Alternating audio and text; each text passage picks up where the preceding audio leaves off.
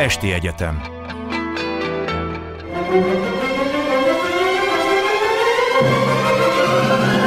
A világ urai Merre rángatják a világ szekerét a hatalmasok?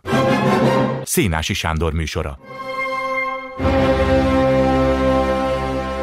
Jó estét kívánok! A ma esti vendégünk Tokár Géza, a Fórum Kisebbségkutató Intézet munkatársa. Jó estét önnek is! Jó estét kívánok, és üdvözlöm a kedves hallgatókat! E, Szlovákiáról fogunk beszélgetni. Szlovákia egy nagyon érdekes képződmény, főleg az utóbbi időkben. Azért is, mert hát itt Magyarországon bizonyos illúziók kötődtek a szlovák politikai elithez, legalábbis egy részéhez, azt követően, hogy Robert Fico kormánya megbukott, hát jó sok év után, és akkor elindulni látott egy olyan demokratikus folyamat, amiben megpróbáltak szembenézni a ficói múlttal, ugye rendőr főkapitányokat, sőt minisztereket tartóztattak le, elindultak mindenféle eh, tiszt, tisztító folyamatok, szándékosan persze nem akarok tisztogatást mondani, hogy föltárják a elmúlt időszak korrupciós ügyleteit, de hát az egész végül is eh, egy ilyen elég jelentős koalíciós válságba torkolott, és most az egyik játékos, a kormány egyik tagja, a Szabadság és Szolidaritás azt mondja, hogy amennyiben a 2020-ban hatalomra került Matovics miniszterelnöket, most pénzügyminisztert nem távolítják el a kormányból augusztus végéig, akkor a párt kiszáll, és hát akkor a koalíció összeomlik. Ennek pedig az lesz a következménye, hogy Fico visszatér, legalábbis a közvélemény kutatások ezt mutatják. Ha megengedik, kezdjük az elején. Ugye 2020-ban győz a négy párti koalíció, de a okok vissza nyúlnak 2018-ig, amikor a Jan Kuciak féle gyilkosság megtörtént, és hát ennek egyik utóhulláma az, hogy a Fico kormány megbukott. Mi történt 2020 körül? Milyen volt a szlovák közvélemény? Mit vártak? És mit tudott ígérni a Fico korszakkal szemben a közvéleménynek ez a négy párt? Igen, hát talán kezdeném ennek a helyzetnek a megmagyarázását laikusoknak, hogy Szlovákia egy meglehetősen sokszínű pártrendszerrel bír.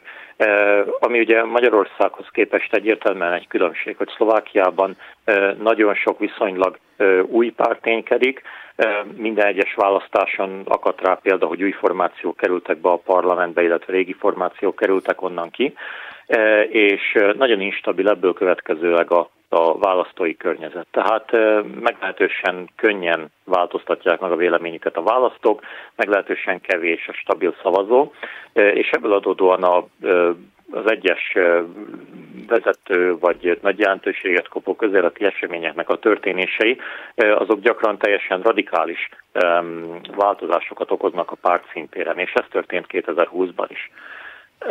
A 2018-as kuciák gyilkosság az valóban alapjában határozta meg a politikai hangulatot az országban, illetve hát gyakorlatilag a közéleti hangulatot is. Ad volt ugye egy oknyomozó újságíró, akit korábban nagyon kevesen ismertek, meg merem előlegezni ezt, hogy nem volt egy túlságosan ismert vagy elfogadott figura kuciak, viszont az, hogy meggyilkolták, hát gyakorlatilag egy bérgyilkosságnak az áldozata lett, és a valószínű megrendelője egy, egy helyi oligarcha, egy kis király. Ez igazából rámutatott arra, hogy egyrészt hát ezek a 90-es évekre jellemző leszámolási módszerek vagy metódusok továbbra is ott vannak sok-sok helyi pénzember vagy helyi hatalmasságnak a fejében. Másrészt pedig a, hát gyakorlatilag arra is fény derült, hogy ezek a gyilkosságok ezek nem történhettek volna meg az egyes állami erőszakszervezetek egyes tagjainak a bevonása nélkül. Tehát gondolok itt arra, hogy, hogy az érintett üzletemberről vagy oligarcháról, Marian Kocsnerről, akit még nem ítéltek el jogerősen, de nagyon valószínű, hogy ő áll a, a gyilkosság megrendelése mögött, kiderült, hogy működtetett egy árnyékhálózatot gyakorlatilag, egy kis struktúrát a rendőrség keretein belül, amit felhasználhatott a saját személyes céljaira, úgy mint kényelmetlen személyek megfigyelése, lejárató bizonyítékok gyűjtése, és így tovább. És ezt a közvélemény rettentően nehezen viselte, hogy, hogy ilyen alternatív struktúrák egyáltalán ki alakulhatnak az államban, illetve hogy, hogy Szlovákia nagyon messze van attól a, a, attól istől, amit egyébként az ország saját magáról előszeretettel hirdetett. Ez ugye a nyugathoz nagyon könnyen és gyorsan felzárkózó országnak a képe, ami átvette az eurót, ami gazdaságilag rendben van, és teszem hozzá, hogy ez utóbbi években az is kiderült, hogy gazdaságilag is nagyon komoly nehézségekkel küzdik az ország, és ez a fajta átlános kiábrándultság a, az, az akkori politikai elitből, ez ugye elsősorban a kormányzó pártot jelentette, alapjában véve megváltoztatta az erőviszonyokat. De az, ami történt a 2020-as választásokon, az nem egészen az volt, amire a, hát akár a politikai elemzők is számíthattak. És ez alatt azt értem, hogy a választásnak a nagy nyertese az nem a liberális és egyébként a, hát a nagyvárosi értelmiség által nagy számban támogatott progresszív Szlovákia volt, sőt ez a párt még csak be sem jutott a parlamentbe egy szerencsétlen koalíciókötés után, miután nem vitték át a koalíciókra érvényes 7%-os választási küszöböt. Nem is a libertariánus szabadság és szolidaritás lett ennek a választásoknak a nagy nyertese, hanem az egyszerű emberek. Ez Igor Matovicsnak a pártja. És Igazából az egyszerű emberekről azt kell tudni, hogy ez egy nagyon sajátos párt, ami Szlovákián kívül nagyon kevés országban létezhetne ebben a formájában, ahogy. Központi szervei nincsenek igazán, van egy, egy darab személyesen nagy karizmával bíró politikus, ez Igor Matovics, és a, maga a párt az struktúrák meg helyi szervezetek helyett igazából úgy formálódik, gyakorlatilag a választási listája, az országos választási listája úgy formálódnak meg, hogy Matovics vagy kisebb pártokat hív a maga listájára, vagy pedig helyi aktivistákat szólít meg, akik a politikán kívül ténykednek, de egyébként meglehetősen népszerűek mondjuk az egyes városokon, vagy településeken, vagy régióban. És ebből is látszik, hogy ennek a pártnak olyan koherens, összetartó ideológiája, világképe, egyáltalán nincs, és nagy valószínűséggel soha nem is lesz. Egyetlen központi mondani valója viszont volt ennek a formációnak, épp pontosabban kettő, ami, ami nagyon komoly előnynek számított a 2020-as választásokon. Az egyik az, hogy nagyon erőteljes korrupciálnes üzeneteket fogalmaztak meg, tehát azt mondták, hogy ők megtisztítják az országot a, a szervezet bűnözéstől és az oligarchák befolyásától.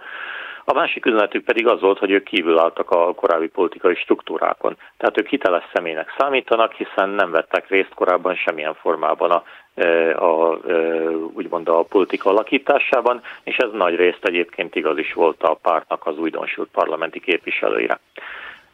Na, de Bocsánat, az, az, azt olvastam, hogy ráadásul Matovics saját maga válogatta ki ezeket az embereket, nem mentek át semmiféle próbán. Úgy értem a hozzáértés és a politikai skilleknek a fölvétele terén teljesen amk voltak. Tehát hogy ott ül a, a parlamentben egy tanító néni, egy volt humorista, ezt olvasom, meg egy, hogy mondjam, egy teniszező, aki hát körülbelül annyit ért a politikai játszmákhoz, mint, mint én mondjuk. Ez így igaz, sőt több teniszező is ott ül a parlamentben, mindegyikük valamilyen szempontból problémás személyiségnek számít. Ez, ez így igaz. Tehát ezek az emberek, akik, akik bekerültek az egyszer embereknek a választási listáján, tényleg politikán kívüli személyiségek voltak, és Matovics szempontjából ez egyébként egy határozott előny, és ez a pártnak az egyik fő üzenete, hogy valóban idézőjelben egyszerű emberekről van szó, akár, akár a szomszédunk is ott ülhet a parlamentben, a, hát gyakorlatilag a közvetlen demokráciának egyfajta megvalósításaként, ami ugye elven szépen hangzik, meg, meg valóban, tehát a választások eredmény is azt mutatták, hogy egy ilyen mozgalomnak nagyon komoly hitelessége lehet az emberek körében, de amit szokás elfelejteni, és hát a, nem csak a szlovák, de igazából sok esetben ez a magyarországi vagy a, vagy a régiós politikában is visszaköszön, hogy azért politikusnak lenni az bizonyos szempontból egy művészet és munkakor, és kellenek hozzá bizonyos feltételek vagy adottságok, hogy valaki felelősen tudjon politizálni Például az, hogy a saját véleményét az gyakorlatilag valamilyen módon egyezteti a központtal, hajlamos kompromisszumokat kötni, hajlamos támogatni olyan megegyezéseket, amik nem feltétlenül tükrözik az ő személyes meggyőződését, vagy legalábbis az a minimum, hogy a politikával való belépés előtt a saját személyes meggyőződését ugye tisztázza a saját választott vezetői felé, hogy ebből aztán ne adódjanak a későbbiekben problémák. És az egyszerű emberek egész egyszerűen ezeknek az alapvető feltételeknek képtelen volt megfelelni.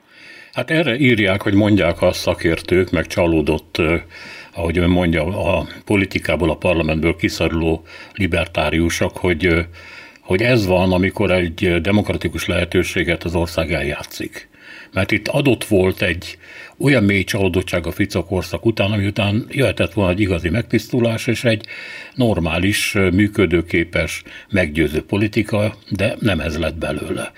Mert állítólag ez az ember, ez a Matolics, ez egy elviselhetetlen populista, senkivel nem egyeztet semmit, ahogy ön is mondta, és hát drámai intézkedések sorozatát követte el, úgyhogy csak egy, egy évig maradt igazából a miniszterelnöki poszton. Ön is egy ilyen elszalasztott lehetőségként látja ezt? Hát ez mindenképpen egy elszalasztott lehetőség, de azért egy kicsit, tehát hogy ez nem egy ilyen teljesen fekete-fehér történet, hanem inkább ugye a szürkének a különféle árnyalatai Aha. szerepelnek benne. Vigyázzon, az egy pornókönyv azért mégiscsak. Bár a politikát szokták ahhoz hasonlítani, igen. igen. Hát igen, egyébként tényleg le lehetne írni a szlovák kormánynak ezt az elmúlt két évét, mint a szürke árnyalatát, de ez tényleg csak érzem meg. Ugye azt kell látni, hogy gyakorlatilag négy koalíciós pártról beszélünk, akiknek együtt kellett volna egymással valamilyen módon működni, és azért tehát az egyszerű embereket rengeteg dologért lehet bírálni, abszolút jogosan, de azt látni kell, hogy a másik három párt a saját maga, sajátos módján ugyanegyre nehéz eset volt, és, és nehezen tudott alkalmazkodni a, az egyszerű emberekhez. Azzal együtt, azzal a kitétel együtt, hogy amit ön mondott Matovicsnak a jellemzéséről, hogy egy meglehetősen kellemetlen, kicsit talán még antiszociálisnak is nevezhető populista politikusról van szó, akinek a, a hobbi az, hogy sértegeti a saját koalíciós partnereit, sokszor akár vulgáris kifejezésekkel a Facebookon. Ez teljes mértékben igaz, és egy ilyen emberrel nagyon kellemetlen együttműködni. De azt kell látni, hogy a többi pártnak ugyanúgy megvoltak a, saját terhei és problémái, amik aztán rászakadtak erre a koalícióra. Ugye itt van a szabadság és szolidaritás. Hát ebben a pillanatban most épp a második legerősebb pártnak számít a kormányban. Most nekik a vezetőjük Richard Sulik egy a saját maga módján legalább annyira nehéz ember, akivel nagyon nehéz együttműködni, és ugyanúgy öntörményű. Annyi, hogy a vulgaritásokat fogja kerülni a legalábbis a nyilvánosságnak szánt üzeneteiben. Ugyanakkor a kompromisszumkészség és a kompromisszum keresésének a, a keresésére való törekvés az, az szintén nem tartozik az ő erényei közé, és hát Szudiknak az egyik keresztje, hogy ő gyakorlatilag már megbuktatott egy kormányt, a 2012-es Ragyicsová kormányt, azzal, hogy nem volt hajlandó megszavazni a, a, az eurómentővet, mivel a görögökön kellett volna gyakorlatilag pénzügyileg segíteni az országnak, tehát egy marginális, az ország túlnyomó része számára marginális problémát úgy felnagyított, hogy azzal előidézte egy kormánybukását, és jött gyakorlatilag 8 évig Robert Fico és a Smer. Tehát itt szintén egy, egy meglehetősen nehéz emberről és egy, és egy furcsa pártról van szó. Ott van még a Család vagyunk névre fordítható Smerodina, ami gyakorlatilag egy egyszemélyes párt. Az nekem nagyon Kollár. tetszik, az nagyon tetszik ez a Boris Kollár. Tudja, mire gondolok? Tíz nőtől van Abszolút. 11 gyereke, hát igen, család, család szerető. Igen, hát egy kis csuklás rájött a politikai elemzőkre, amikor kiderült, hogy Kollár család vagyunk néven alakít egy pártot a saját maga törvénytelen kapcsolataival és tizenvalahány gyerekével, tehát hogy tényleg gyakorlatilag a családjából össze tudna rakni egy pártot, de igazából ugyanez érvényes rá csak kisebb mértékben, mint Matovicsra, hogy gyakorlatilag összefogdosott és korábban nem aktív szereplőkkel létrehozott egy formációt, amiről nagyon nehéz megítélni, hogy pontosan mit is akar a politikában, és hogy mi az ideológiája. És végül nem utolsó sorban ott van az emberekért az alugyi, ami egy ilyen jobboldali tömegpárként indult, egy Kiszka volt államfő vezérlete alatt, de a választásokon rettentően gyengén szerepelt, Andrei Kiszka gyakorlatilag rögtön utána, tehát 2020 után véget is vetett a saját politikai karrierjének, és ezt a pártot a belső feszültségek a saját, hát úgymond konzervatívjai és liberálisai között szétfeszítették, és még azelőtt megszűnt létezni, hogy eljutottunk volna a 2022-es évig, és már csak formálisan létezik 3-4 képviselővel. Tehát ebből is látszik az, hogy rengeteg probléma van ennek a koalíciónak a működésével, és annak nyilván az egyik legfontosabb eleme az Igor Matovics, hiszen mégiscsak ő vezeti a legnépesebb pártot, és ő az, aki a úgymond a legilletlenebb a, a nyilvánosság előtt, de én nem vagyok arról meggyőződve, hogyha hirtelen Matovicsot eltávolítanánk ebből az egyenletből, akkor egy csapásra egy működőképes normális koalíciót kapnánk. Foglaljuk össze az eddigieket, amit mondott. Tehát a professzionális, hagyományos pártok, az ellenzéki pártok, amelyek váltópártok lehettek volna a Fica korszak után, nem kaptak bizalmat. Vagy, vagy elvesztették ezt korábban, vagy túlságosan régen voltak a politikában, vagy túl sokat tévedtek, az embereket nem érdekelték. Ezek az új formációk, ezek a néha kicsit vicces nevű pártok, az egyszerű emberek és független személyiségek, azt hiszem ez a teljes neve. Igen, igen. Ezek viszont beígérték a szokásost, hát ha nem is a paradicsomot, de a tisztaságot, a korrupciótól, az átláthatóságot, és a nyugodalmas életet, amit nem borít fel a politika, meg az, hogy a politika időnként szövetkezik egy dél-olasz Drangheta nevű maffia csoporttal, mert ugye ez is elég komolyan jelen volt, vagy van Szlovákiában. És hát a másik pedig, hogy mivel semmiféle kötőanyaga nem volt ezeknek a pártoknak, gyakorlatilag független kiskirályok álltak össze kormányt csinálni, amiből hát sok jó nem sülhetett ki. Igen, én úgy gondolom, hogy ez egy, ez egy viszonylag pontos, rövid összefoglalója a szlovákiai belpolitikai jelenlegi problémáinak. Igen. És igazából a, a, a probléma tényleg az, hogy nagyon nehéz most megítélni azt, hogy egyáltalán mi lenne szerencsésebb az országnak, hogy jönnének egy idő előtti választások, és felállna egy stabilabb és határozatképesebb kormány, ami nagy valószínűséggel egyébként ugye az ellenzéki erők részleges vagy teljes visszatérését hozhatná, beleértve Robert Ficóval, vagy pedig ez a, ez a garnitúra ez megérdemel még egy esélyt arra, hogy további másfél évig próbálja igazgatni az országnak az ügyeit, csak kérdés, hogy milyen hatékonysággal teszi ezt, és mennyire építi a saját magát közben. Hát a, a szabadság és szolidaritás azt mondta, hogy legalábbis eddig azt mondja, hogyha Matovics nem lép le hónap végéig, akkor ők kilépnek, az pedig azt jelenti, hogy a kormány beomlik. Ez egy figyelmeztetés, hogy mi elmegyünk a falig, vagy pedig egy végig gondolt döntés, amit meg is fognak csinálni? Hát ez egy nagyon jó kérdés, és szerintem rengetegen találgatják ezt az elmúlt egy hónapban. E, ugye, hogy a, mit is mondja, hogy viccnek ez túl durva lenne, amikor Szulikék ezt e, beharangozták gyakorlatilag július elején, hogy ők távoznak a kormányból, a minisztereik felállnak szeptember elején, hogyha egészen addig Matovicsal nem történik valami. Sokan kezdtek el valóban arról gondolkodni, hogy ezt nem egyfajta egyfajta fenyegetésnek szánja az SZSZ, csak éppen a, a határokat valahol elmérte ez a párt. De a, az elmúlt másfél hónapnak a, a történései azok arra engednek következtetni, hogy az SZSZ valóban komolyan gondolja a, a távozást. Teszem hozzá egyébként, hogy ez a párt szempontjából egy teljesen logikátlan lépés. Az SZSZ valószínűleg ezért meg fogják büntetni a választók, valószínűleg kevesebb képviselőjük lenne egy esetleges idő előtti választások után, és egyáltalán nincs garantálva, sőt, sokkal valószínűbb, hogy nem kerülnének kormányra, mint hogy kormányon folytatnák. Tehát, hogy nagyon nehezen látszik a közvetlen politikai haszna ez a párt számára.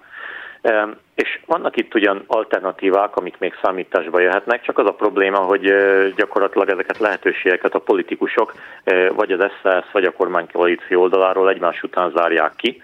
Gondolok itt arra, hogy ugye elképzelhető egy kisebbségi kormánynak az üzemeltetése, amit a másik három párt gyakorlatilag megalakítana az SZSZ miniszterei nélkül, és az SZSZ aztán csendben kívülről támogatna több törvényjavaslatot. Ez, ez egy opció, de nagyon nehezen lehet ugye eleve megérteni, hogy az SZSZ-nek ez miért állna érdekében, amikor ugyanez a status quo fennmaradna, csak éppen még a miniszteri tisztségekkel sem rendelkeznének. Aztán van egy olyan opció, egy forgatókönyv, hogy Igor Matovics igazából hátrébb állna, és valóban felállna a pénzügyminiszteri tisztségből az ország érdekében, vagy idézőjelben a nagyobb jó érdekében.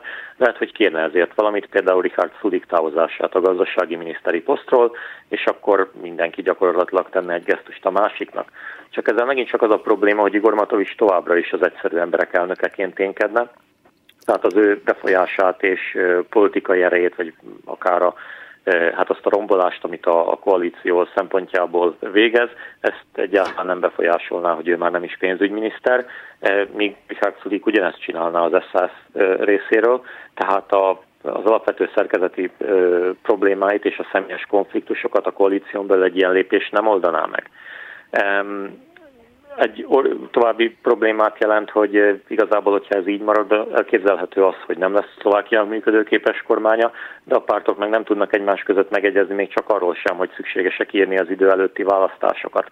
Tehát egy nagyon diszfunkcionális időszak jöhet itt szeptembertől, hogyha valaki nem hátrál meg, de hát meghátrálni és feladni a korábbi követeléseket, meg egyértelműen presztízsvesztesség az SZSZ-nek is, illetve a stabilan Igor Matovics mögött álló ö, egyszerű embereknek is. Ebben a pillanatban ez egy olyan gordiuszi csomónak tűnik, amit, ö, amit nem lehet átvágni. Igen, ugye úgy tűnik, hogy Fico a populista után újabb populisták jönnek, csak ők már többen vannak, és egymás ellen is harcolnak és nem csak a saját maguk érdekében, gyakorlatilag az ország érdekei ellen. Nézzük, hogy eh, mi az, amit személyre hánytak Matovicsnak az alatt, az egy év alatt, amíg kormányon volt. Ami Magyarországról vagy a magyar médiából látható volt ez a válságkezeléssel kapcsolatos dolog, de nagyon furcsa volt. Mert a magyar sajtó ünnepelte azt, hogy lámot van ez a Matovics, aki egy hét alatt letesztelte a saját országát, miközben Magyarországon a tesztelések nem haladtak, aztán kiderült, hogy ennek sok értelme nem volt. Akkor jött a Sputnik megvétele, hát ezt a magyarok is megvették, a magyar kormány pontosabban, titokban az oroszokból, de a gyógyszer ügynökség ezt nem ismerte el szemben a magyarokkal. És hát ebből botrányok és balhék voltak az ő önfejű viselkedéséből. Valóban a járványkezelés volt az, hogy annak a kaotikus mi volt a, ami először kezdte ráébreszteni a közvéleményt, hogy ki ez az ember? Hát ez Matovicsnak a sajátos stílusából fakad, mert hogy Matovics eh, politikusként, eh, pontosabban kormányzó és felelős politikusként pont ugyanazokkal a húzásokkal él, mint, eh, mint korábban ellenzéki politikusként tette, csak épp most meg is tudja valósítani azt, amit korábban csak ígérgetett, vagy egy Facebook státuszban leírt a, a szociális hálózatokon. Névleg az, hogy nagyon szereti azokat a bombasztikus húzásokat, akik kimondottan a személyéhez kötődnek, és azt a látszatot keltik, hogy egy problémát, ami egy nagyon összetett probléma, egyetlen egyszerű és határozott lépéssel e, meg lehet oldani. E, tehát ugye ön is említette, a szerkesztő is említette a tesztelé, az ország tömeges letesztelését. Ez egy e, olyan lépés volt, ami nagyon hirtelen került bevezetésre, iszonyatos terhet rótt az önkormányzatokra és az állami testületekre, és egyetlen személy kardoskodott mellette végig, ez Igor Matovics volt, aki saját maga bejelentette a Facebookon, hogy mire készül, meglepve vele a koalíciós partnereik is, és hát aztán jobb hiány megvalósították olyan hatékonysággal, amilyennel. A Sputnik behozatala ugyanez a egyenlenek a stratégiának a része. Nem volt elég vakcinája Szlovákiának az állampolgárok oltásához. Hát Igor Matovics hirtelen az oroszokhoz fordult, hirtelen megjelent az országban több ezer, azt hiszem, hogy 300 ezer vakcina, ami hát gyakorlatilag Matovics szemében a, a, az oltási problémák megoldását jelentette, és később is megkifogással szolgált neki, hiszen ezt aztán a szlovákiai hatóságok engedélyezési eljárásának a, az elhúzódása ez el is lehetetlenítette.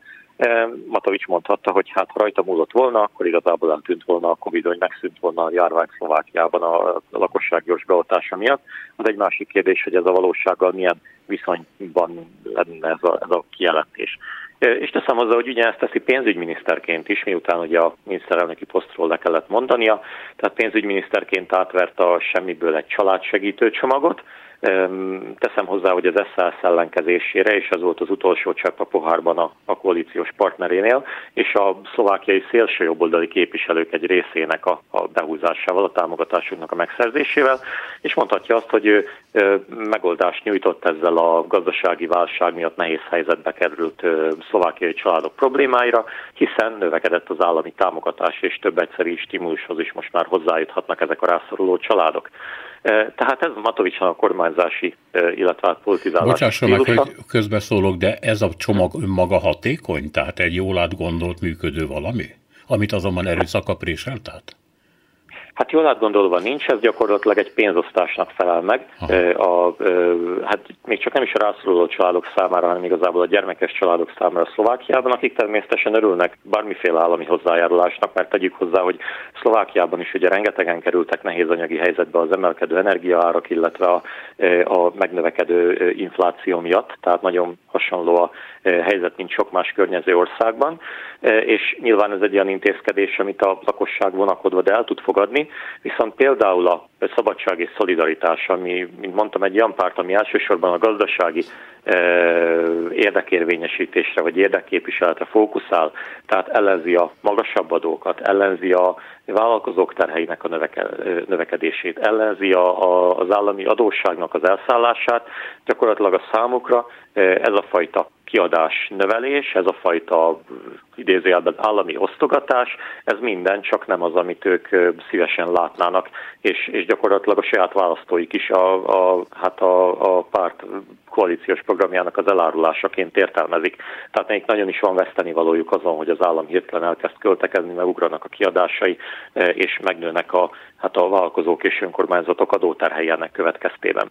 Tehát, tehát nem nehéz látni, hogy, hogy miért ellenezte ezt annyira lesz ez, és mi Matovics most gyakorlatilag ismét egy probléma megoldóként tünteti fel magát, az SZSZ meg azt mondja, hogy hát egyáltalán ez nem, nem, egy, nem egy helyes út, senki nem gondolt át ezeket az intézkedéseket, szépen festenek, de a gyakorlatban fogalmunk sincs arról, hogy milyen hatásuk lesz az emberek, akár az emberek pénzügyi problémáinak a megoldására, akár, akár hosszú távon az infláció kezelésére. Hát egy igazi populista így működik. De egyébként mit szólt mindenhez a miniszterelnök Eduard Heger, aki Matovics után jött, és akit egy megfontolt komoly embernek neveztek. Gyakorlatilag a kormányban az a Matovics, aki nem csak pénzügyminiszter volt, de miniszterelnök helyettes is, gyakorlatilag le tudta nyomni a miniszterelnököt is? Hát Edward Hagennek a pozíció egy nagyon sajátos pozíció. Róla ugye azt kell tudni, hogy korábban, mielőtt miniszterelnökké választották volna, ő volt a pénzügyminiszter. Igor Matovics hozta be őt szintén személyesen a politikába. Ő egy egy keresztény közösségi szervező volt, aki értett a pénzügyekhez, tehát a pénzügyi területen ténykedett, viszont úgy önmagában véve neki politikai hatalma a saját pártján belül sincs. Őt azért hozték, hozták oda, mert kellett Matovics után egy megfelelő miniszterelnök jelölt, Aha. valaki, aki nem kerüli a konfliktusokat, hanem megpróbálja megoldani. És Eduard Heger úgymond becsületére legyen mondva, ő ugye nem váltott ki konfliktusokat az elmúlt egy évben, és hogyha volt valamilyen nézeteltérés a koalíciós pártok között, azt megpróbálta menedzselni, de miután nem volt hát tekintélye vagy pártámogatása, ezt egyedül azzal a módszerrel tudta elérni, hogy találkozókat szervezett, beszélt, konzultálta az elégedetlenkedő pártoknak a képviselőivel. Ez néhány válságnak a megoldására tökéletesen elegendőnek bizonyult. Ebben a a válságban, amikor ugye az SZSZ távozással fenyeget, abszolút hatástalan, mert nyilvánvaló mind az egyszerű emberek, mind az SZSZ álláspontja, amit, amit egyszerűen nem lehet kibékíteni, és nekem egyébként személyesen az az érzésem az utóbbi egy hónapból kiinduló, hogy mintha Héger fel is adta volna ezt a ezt a törekvést, tehát ő úgy van vele, hogy, hogy mindegy, mi történik, most már valami, valaminek jönnie kell, ő ezt a, a konfliktus megoldani nem tudja, ezt elsősorban Szuliknak és Matovicsnak kéne rendezni, ők viszont nagy valószínűséggel nem fogják. Tehát ő teljesen a háttérbe szorult az elmúlt időszakban, mint proaktív válságmegoldó. Nagyon szkeptikus vagyok annak kapcsán, hogy, hogy sikerül-e érdemben változtatni a helyzeten a következő két hétben, de meglátjuk. Nézzük a Matovics korszaknak a legnagyobb, vagy legalábbis annak tűnő húzását. Ez a leszámolás a Ficó korszakkal, a Ficó korszak oligarcháival, a korrupcióval, hatalommal való visszaéléssel, maffiákkal, egyebekkel, hát ezt Magyarországon is ismerjük.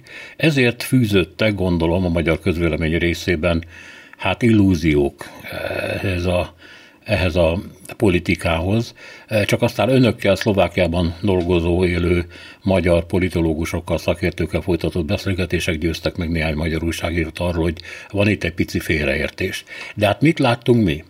Azt látok, hogy letartóztatnak mondjuk két országos rendőrfőkapitányt. Az egyik öngyilkos lesz az árkájában, Mind a kettőnek állítólag köze volt a kuciák féle gyilkossághoz, de volt miniszterek vagy nemzeti banki emberek, főemberek is a célkeresztbe kerültek, sőt maga Ficó is. Persze ellene már igazából nem sikerült semmit se bizonyítani, vagy ha bizonyítani valamit, akkor föllépni, mert a parlament nem szavazta meg az ő ellenindítandó eljárást. Szóval ebből az egész tisztító hadműveletből mi volt igaz, és mennyire volt hatékony? Egy kis pontosítás a végére, tehát hogy a parlament nem szavazta meg Ficó vizsgálati fogságba vételét, ami nagyon komoly problémákat okozott megint csak a koalíción belül, de ez nem azt jelenti, hogy az ellene indított eljárás lezárult, sőt igazából folyik. Uh-huh. Szerintem még, még valahol még szerencsés is, hogy nem vették Ficó őrizetbe, mert hogyha kiderül, hogy ezek a bizonyítékok nem állják meg a helyiket, akkor ő tényleg egy politikai márténak mutathatja magát, akit a, a kormány hajlandó volt még lecsukatni és bizonyítékok nélkül és börtönbe zárni. De jellemző volt egyébként ez, tehát ez a, ez a fajta e, szavazási kudarc is csak egyel több szeget jelentett a, a koalíciónak a koporsójába, hiszen az SZSZ és az Olano e, keményen egymásnak esett amiatt, hogy kinek a felelőssége az, hogy Ficót végül is nem e, zárták őrizetbe a, a parlamentnek az engedélyével. Szóval csak azt akartam jelezni, hogy az eljárásoknak egy komoly része még folyik, és nagyon könnyen elképzelhető, hogy lesznek ennek még látványos politikusi áldozatai. És most két olvasat uralkodik gyakorlatilag a nyilvánosságban, nyilván pártállástól és, és ideológiától függően. Robert Fico, illetve a tűz alá vett hát, egykori kormánypárti jellegi ellenzéki képviselők azt állítják, hogy a rendőrségi eljárások politikailag motiváltak, az a céljuk, hogy ellehetetlenítsék őket, az a céljuk, hogy akár konstruált bizonyítékok előállításával azt láthatott keltsék, hogy ők saját maguk bűncselekményeket követtek el, és diszkreditálni akarja a kormány a jelenlegi ellenzéket, hogy az ne térhessen vissza a hatalomba. És nyilván, hogy a kormány oldalról ennek az egész eljárássorozatnak, a vádemeléseknek, az elítélő döntéseknek az olvasata, hogy hát itt zajlik az országnak a megtisztítása, a politikai és gazdasági elis korrupt részétől, részétől, hogy Szlovákia ezek után egy jobb ország lesz, és, és gyakorlatilag valóban egy ilyen tisztító tűz fut végig gyakorlatilag a, a, a különféle struktúrákon. Most nyilván ez ugye két egymással merőben ellentétes olvasat, és ne, nagyon nehéz feloldani azzal az állítással, hogy mindenkinek igaza van egy kicsit, de szerintem akkor járunk a legközelebb az igazsághoz, hogyha tudatosítsuk azt, hogy a, a szlovákiai hatóságok, tehát hogy beleértve a bíróságot, az ügyészséget, a rendőrséget, legalább annyira át vannak szőve ezzel a furcsa ilyen pluralista, ilyen koalíció, illetve párt érdekekkel, mint mondjuk a parlament.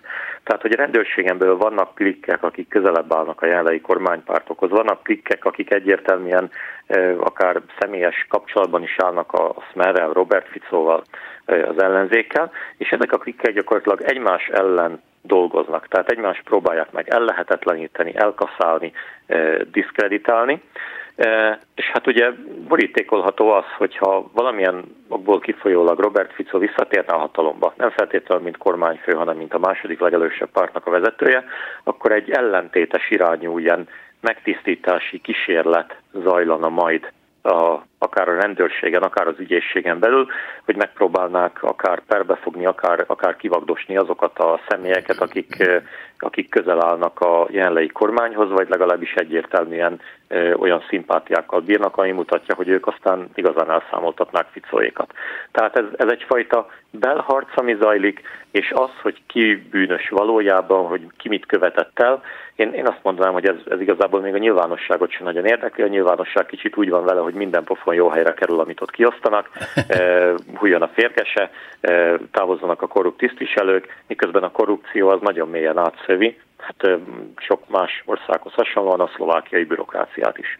Hát ez gyakorlatilag nem csökkent, nem lehet elmondani, hogy csökkent.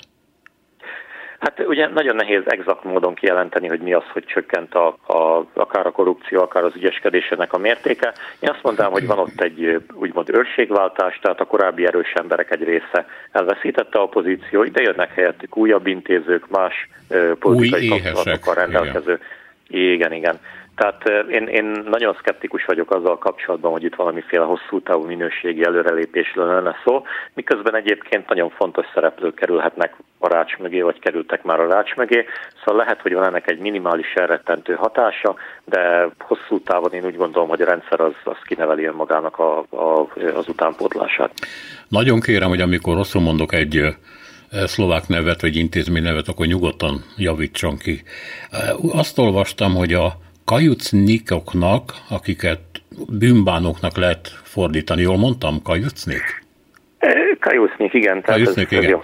Ezek a, hát hogy mondjam, kis halak, akik bemártják a nagy halakat, azt hiszem, hogy az olaszoknál ez a pentító, a kis súgó, aki a maffiából jön, és akkor a rendőröknek elmondja, hogy a nagyfőnök, nagyvezérek miket követtek el, és akkor a rendőrség ennek nyomán indul el.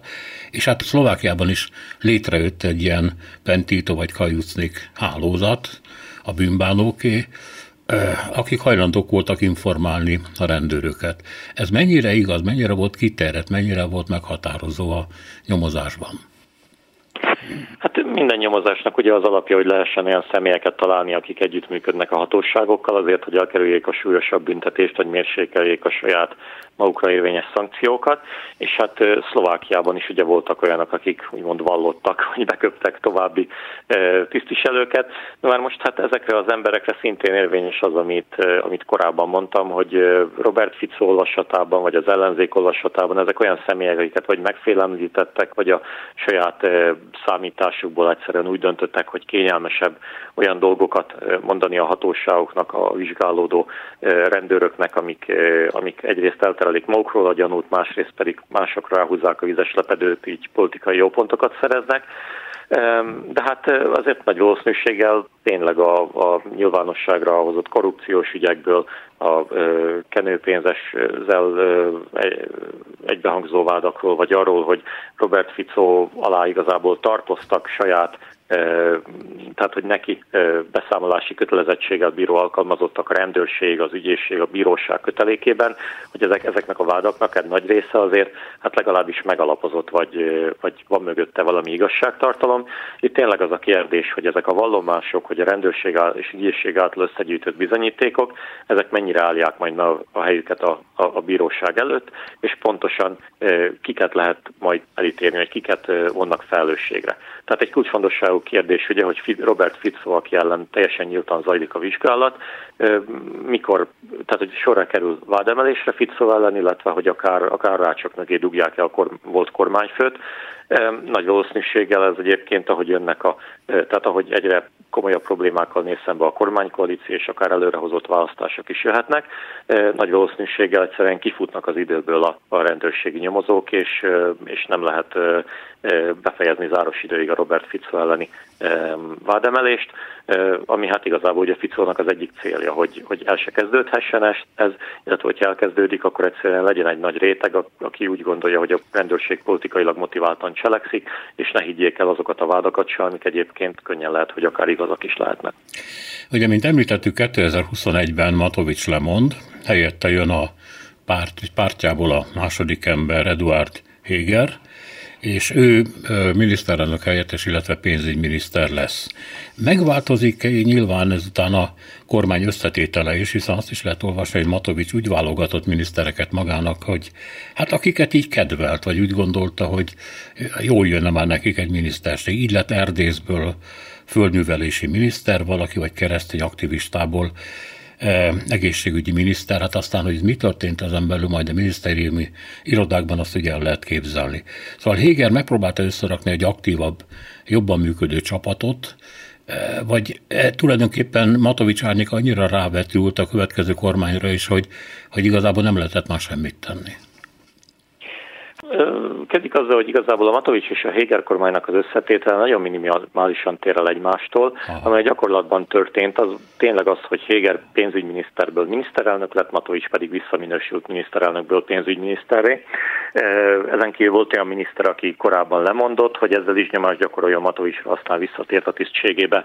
De úgy összességében véve a kormány koalíciónak ez a miniszteri állománya ez nem nagyon változott meg. Itt inkább a probléma abban rejlik, hogy ugye említettem korábban, hogy itt négy koalíciós pártról van szó, négy nagyon különböző célokkal. Teszem hozzá, hogy még a jobboldaliságokat, vagy az ellenzékiségüket, vagy a korrupció ellenességüket itt megosztja azért pár téma. Az egyik az, az tipikusan ez a liberális konzervatív konfliktus, tehát ugye, hogy vannak a, a jobboldali konzervatívok és a, és a liberális városiak, akik, akik nagyon progresszívek, de például alapvető kérdésekben, ami mondjuk a művi terhesség megszakítást illeti, de akár az Oroszországhoz való viszonyt is, vannak köztük nézetkülönbségek. És egyszerűen ezek a nézetkülönbségek, ezek ahhoz vezettek, hogy kulcsfontosságú reformtervezeteket, amelyeket az egyik vagy a másik pártoknak a miniszterei terjesztettek be, a saját koalíciós partnereik kaszálták el, vagy legalábbis nehezítették meg hosszú hónapokra az elfogadásukat, azzal, hogy tartózkodtak, vagy nem voltak hajlandóak a törvényjavaslat mögé állni. Egy egyszerűen kiszavaztak a kormánykoalícióból, és az ellenzékkel együtt szavaztak. Tehát, egy alapvetően bizalmatlan légkör jött létre a szlovákiai kormányban, és hát a parlamentben is, és, és egyszerűen ezek a pártok ezek egymásra nehezteltek, és ebből következőleg több, több reformtervezet csak hónapos vagy éves csúszással került megvalósításra.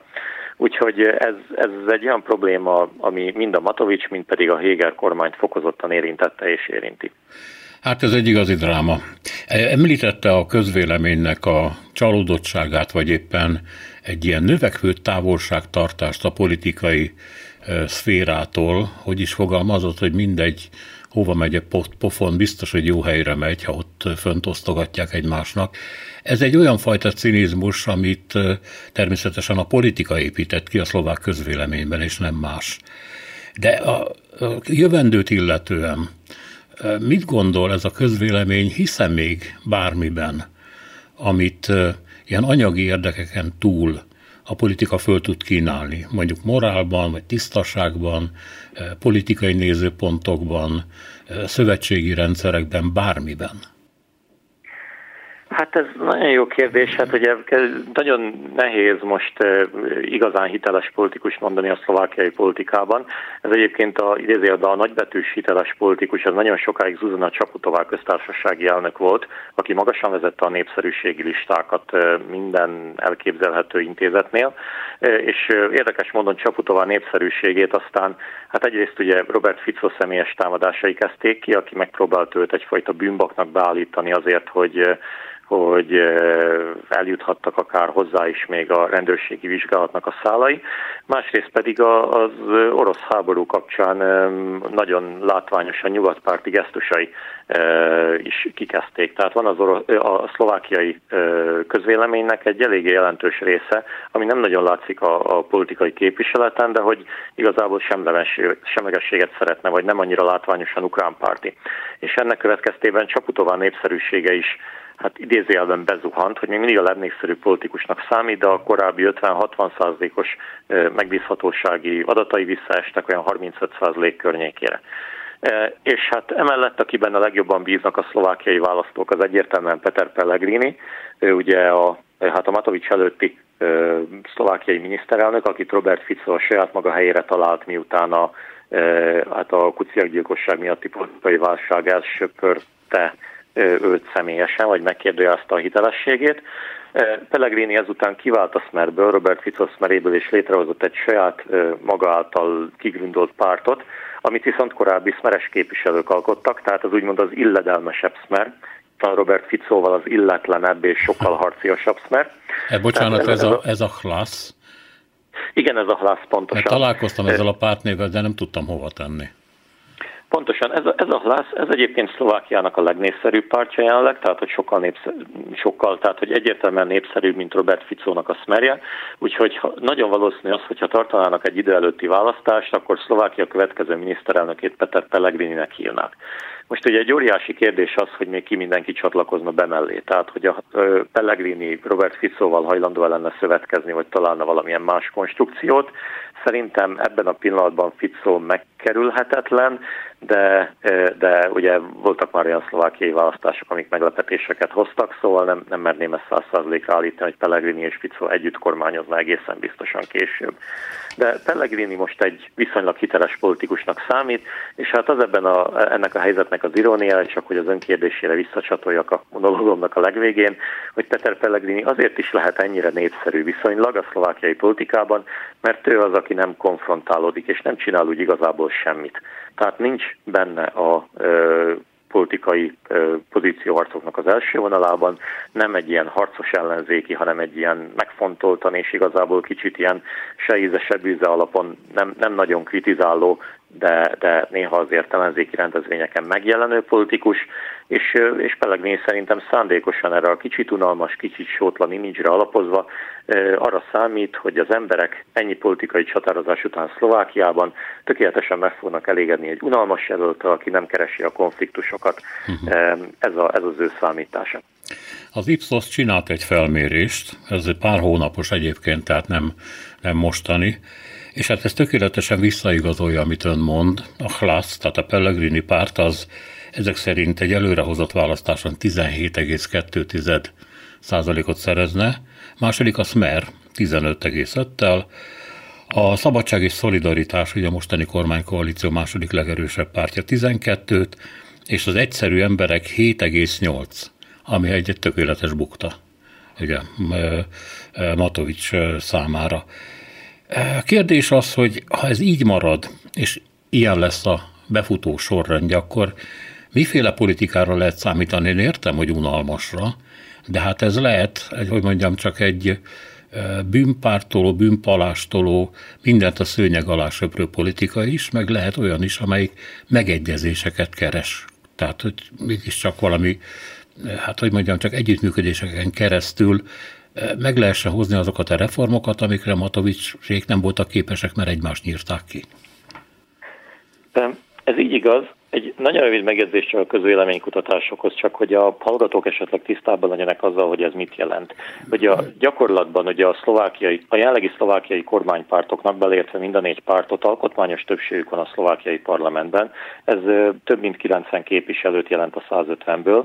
Már most minden egyes közvéleménykutatás, amit az elmúlt időszakban csináltak, hogy készítettek, az rámutat arra, hogy e, ez a négy párt összesen nagyjából olyan 40 40 két képviselői mandátumra számíthatna.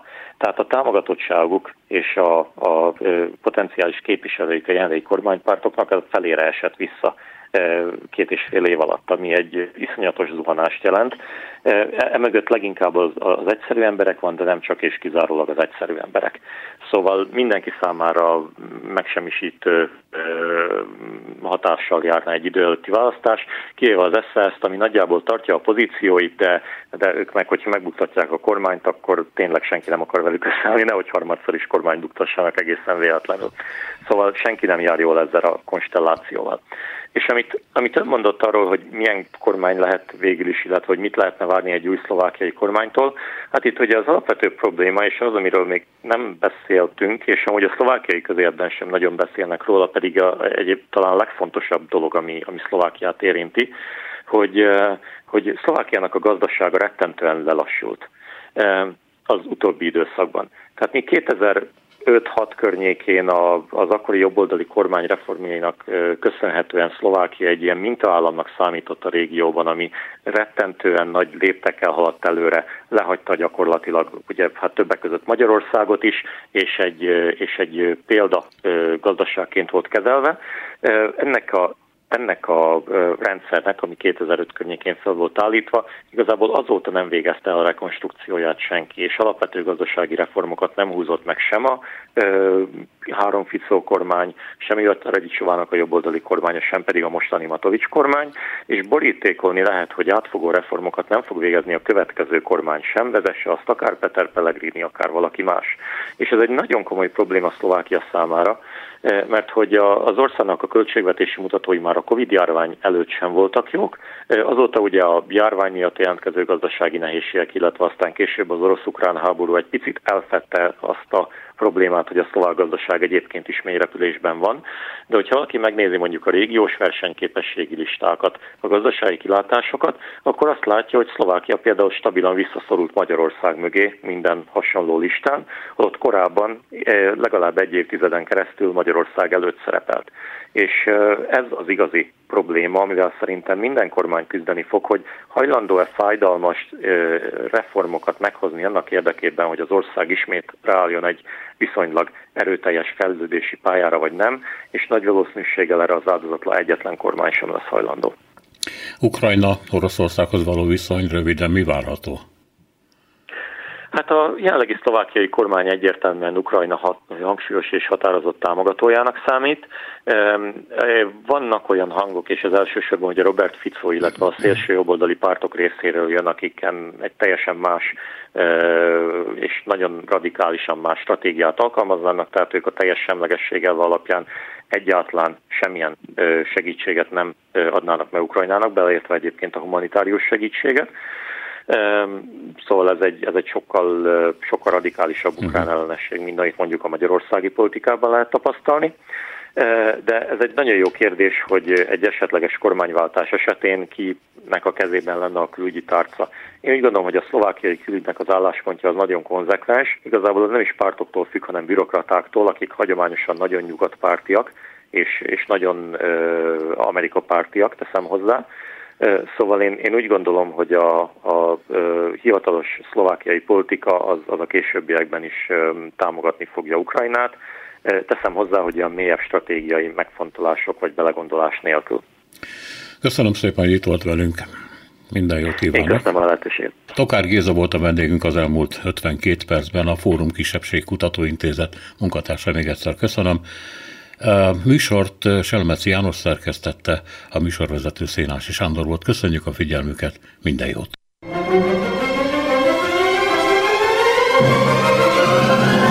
A Világ Urai című műsorunkat és Szénási Sándor műsorvezetőt hallották.